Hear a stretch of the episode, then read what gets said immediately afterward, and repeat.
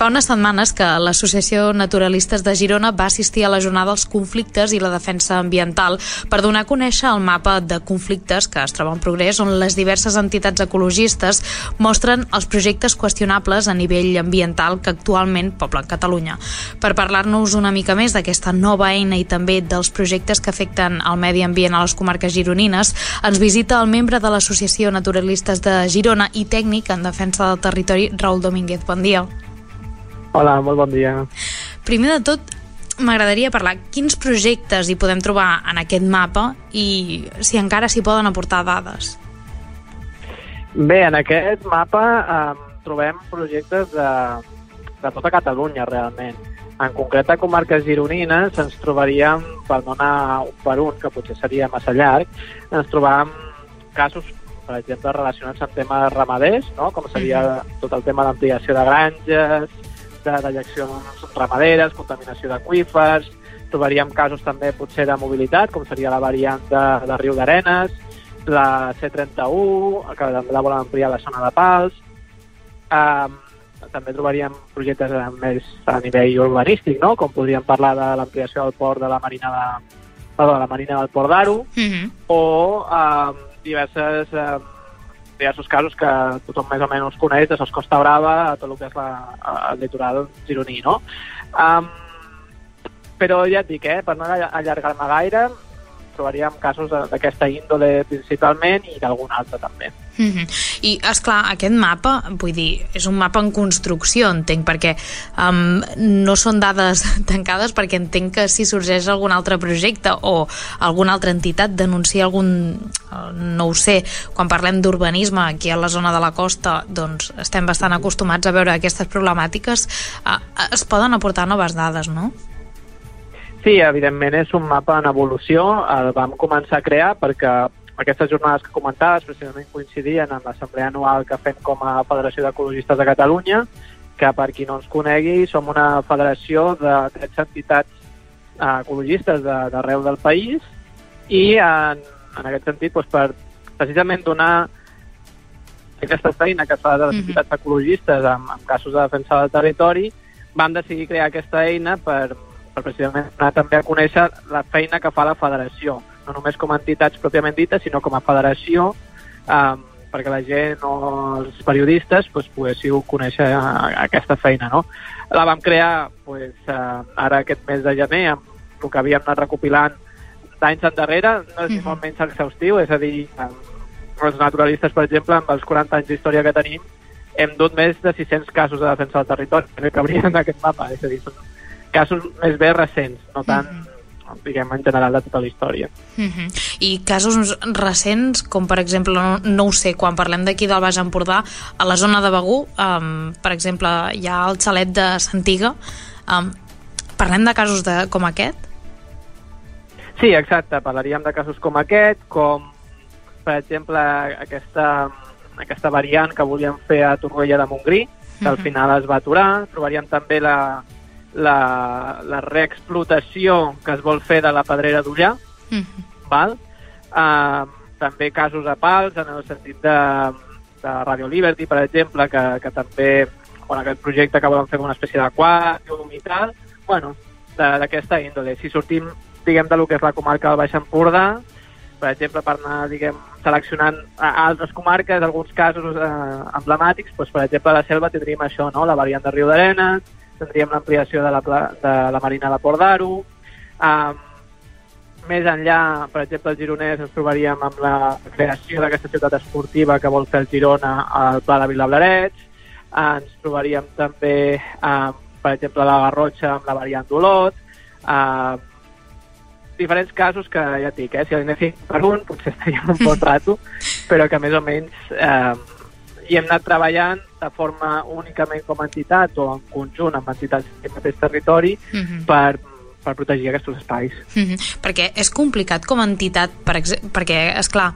uh, l'Associació Naturalistes de Girona entenc que esteu uh, basats a Girona, però tot i això intenteu estar en contacte amb el territori. És complicat uh, detectar tots aquests projectes que al final afecten el medi ambient uh, treballant des de Girona. Vull dir, um, és important aquest contacte amb les entitats del territori?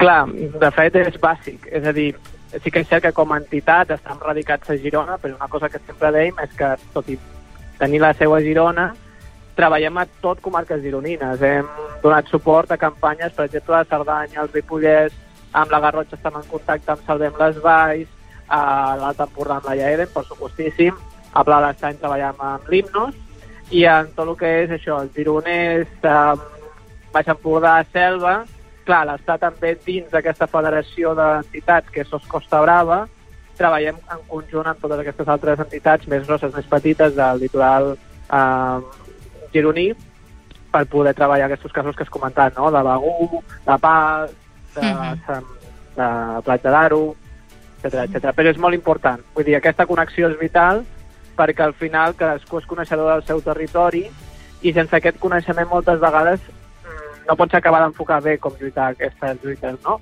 Perquè també hi ha un factor important a tenir en compte i és que no només treballem a, a nivell, diguem, més administratiu, presentant al·legacions, presentant escrits, fent denúncies de premsa o fins i tot, en alguns casos més concrets, acaben arri arribant a via judicial, sinó que és vital per guanyar tots aquests casos la mobilització ciutadana.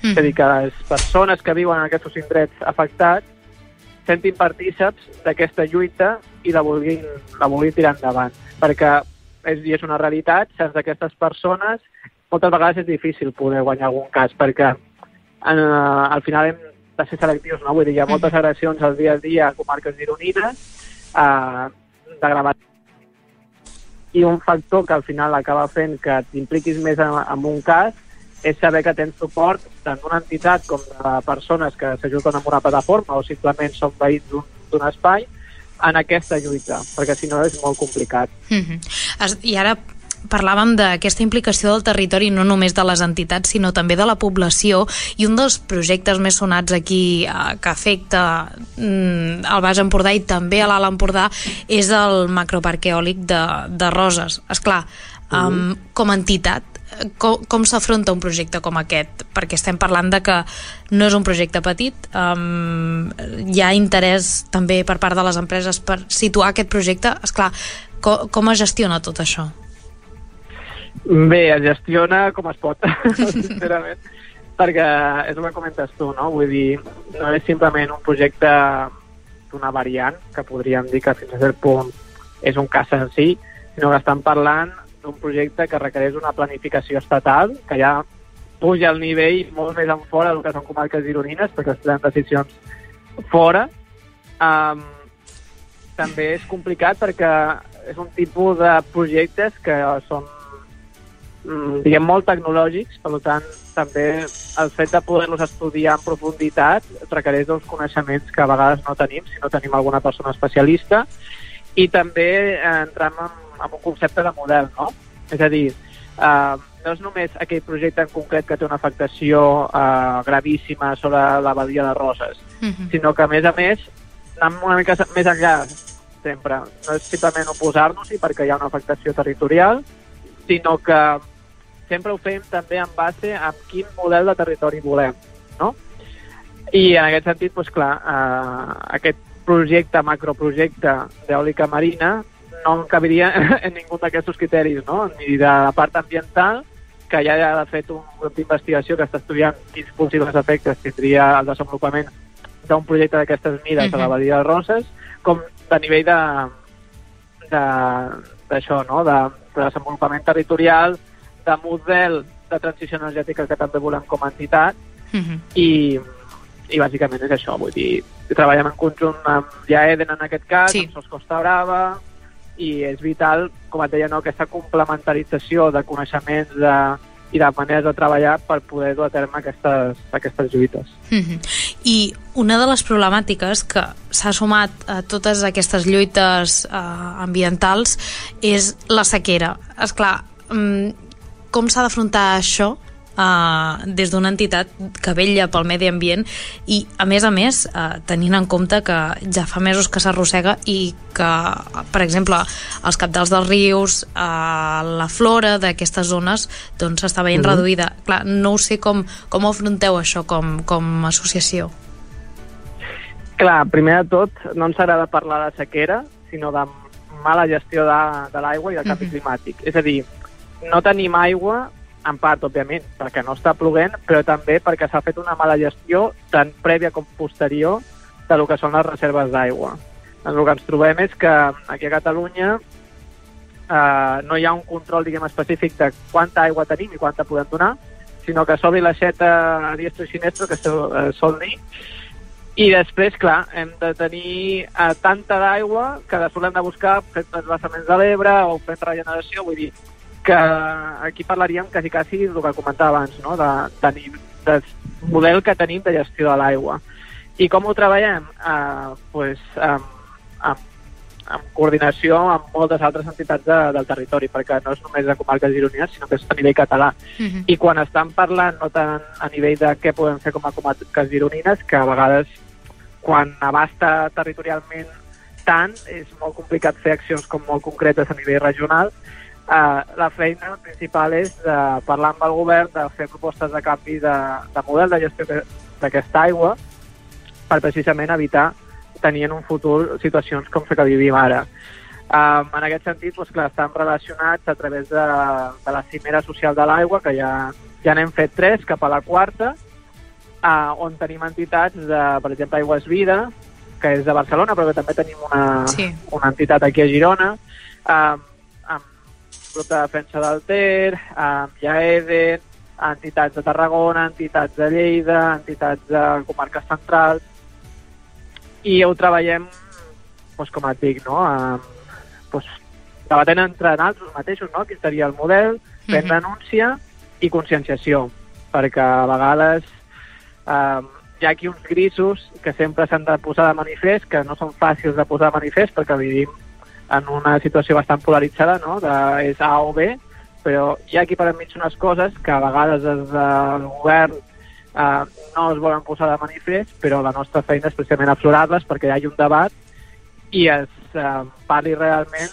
de quin és el model que hem de tenir de gestió de l'aigua, perquè hem de recordar que amb el canvi climàtic aquestes situacions, per desgràcia, seran cada vegada més recurrents i hem de fer una planificació bastant més acurada dels recursos que tenim, de quins podem donar i ser sempre curosos amb la natura, que hem de recordar que no només eh, està bé per anar a passejar o per disfrutar-la, sinó que ens aporta uns serveis ecosistèmics que ens diuen que ens els poden aportar si aquesta natura té un estat de salut correcte. Mm -hmm. Si per contra estan tallant aigua a rius, s'estan assecant, tots els ecosistemes aquàtics estan morint, tots aquests serveis els estan perdent. I és uh, una conseqüència que trobarem a llarg termini. Quan en aquest ecosistema allí quasi uh, bueno, s'ha vist afectat greument, um, potser a dia d'avui no, no ho veurem, però el dia de demà, quan, quan torni a la normalitat, potser veurem que els boscos de Ribera ja no recuperen, uh mhm. -huh. o que hem perdut espècies que, que tardaran molts anys en tornar. I això a la llarga ens acaba afectant a nosaltres també. Uh mhm. -huh. Doncs moltíssimes gràcies per l'entrevista, senyor Raül Domínguez, i esperem doncs, que aquesta gestió es faci d'una altra manera propera. Moltíssimes gràcies. Moltes gràcies a vosaltres.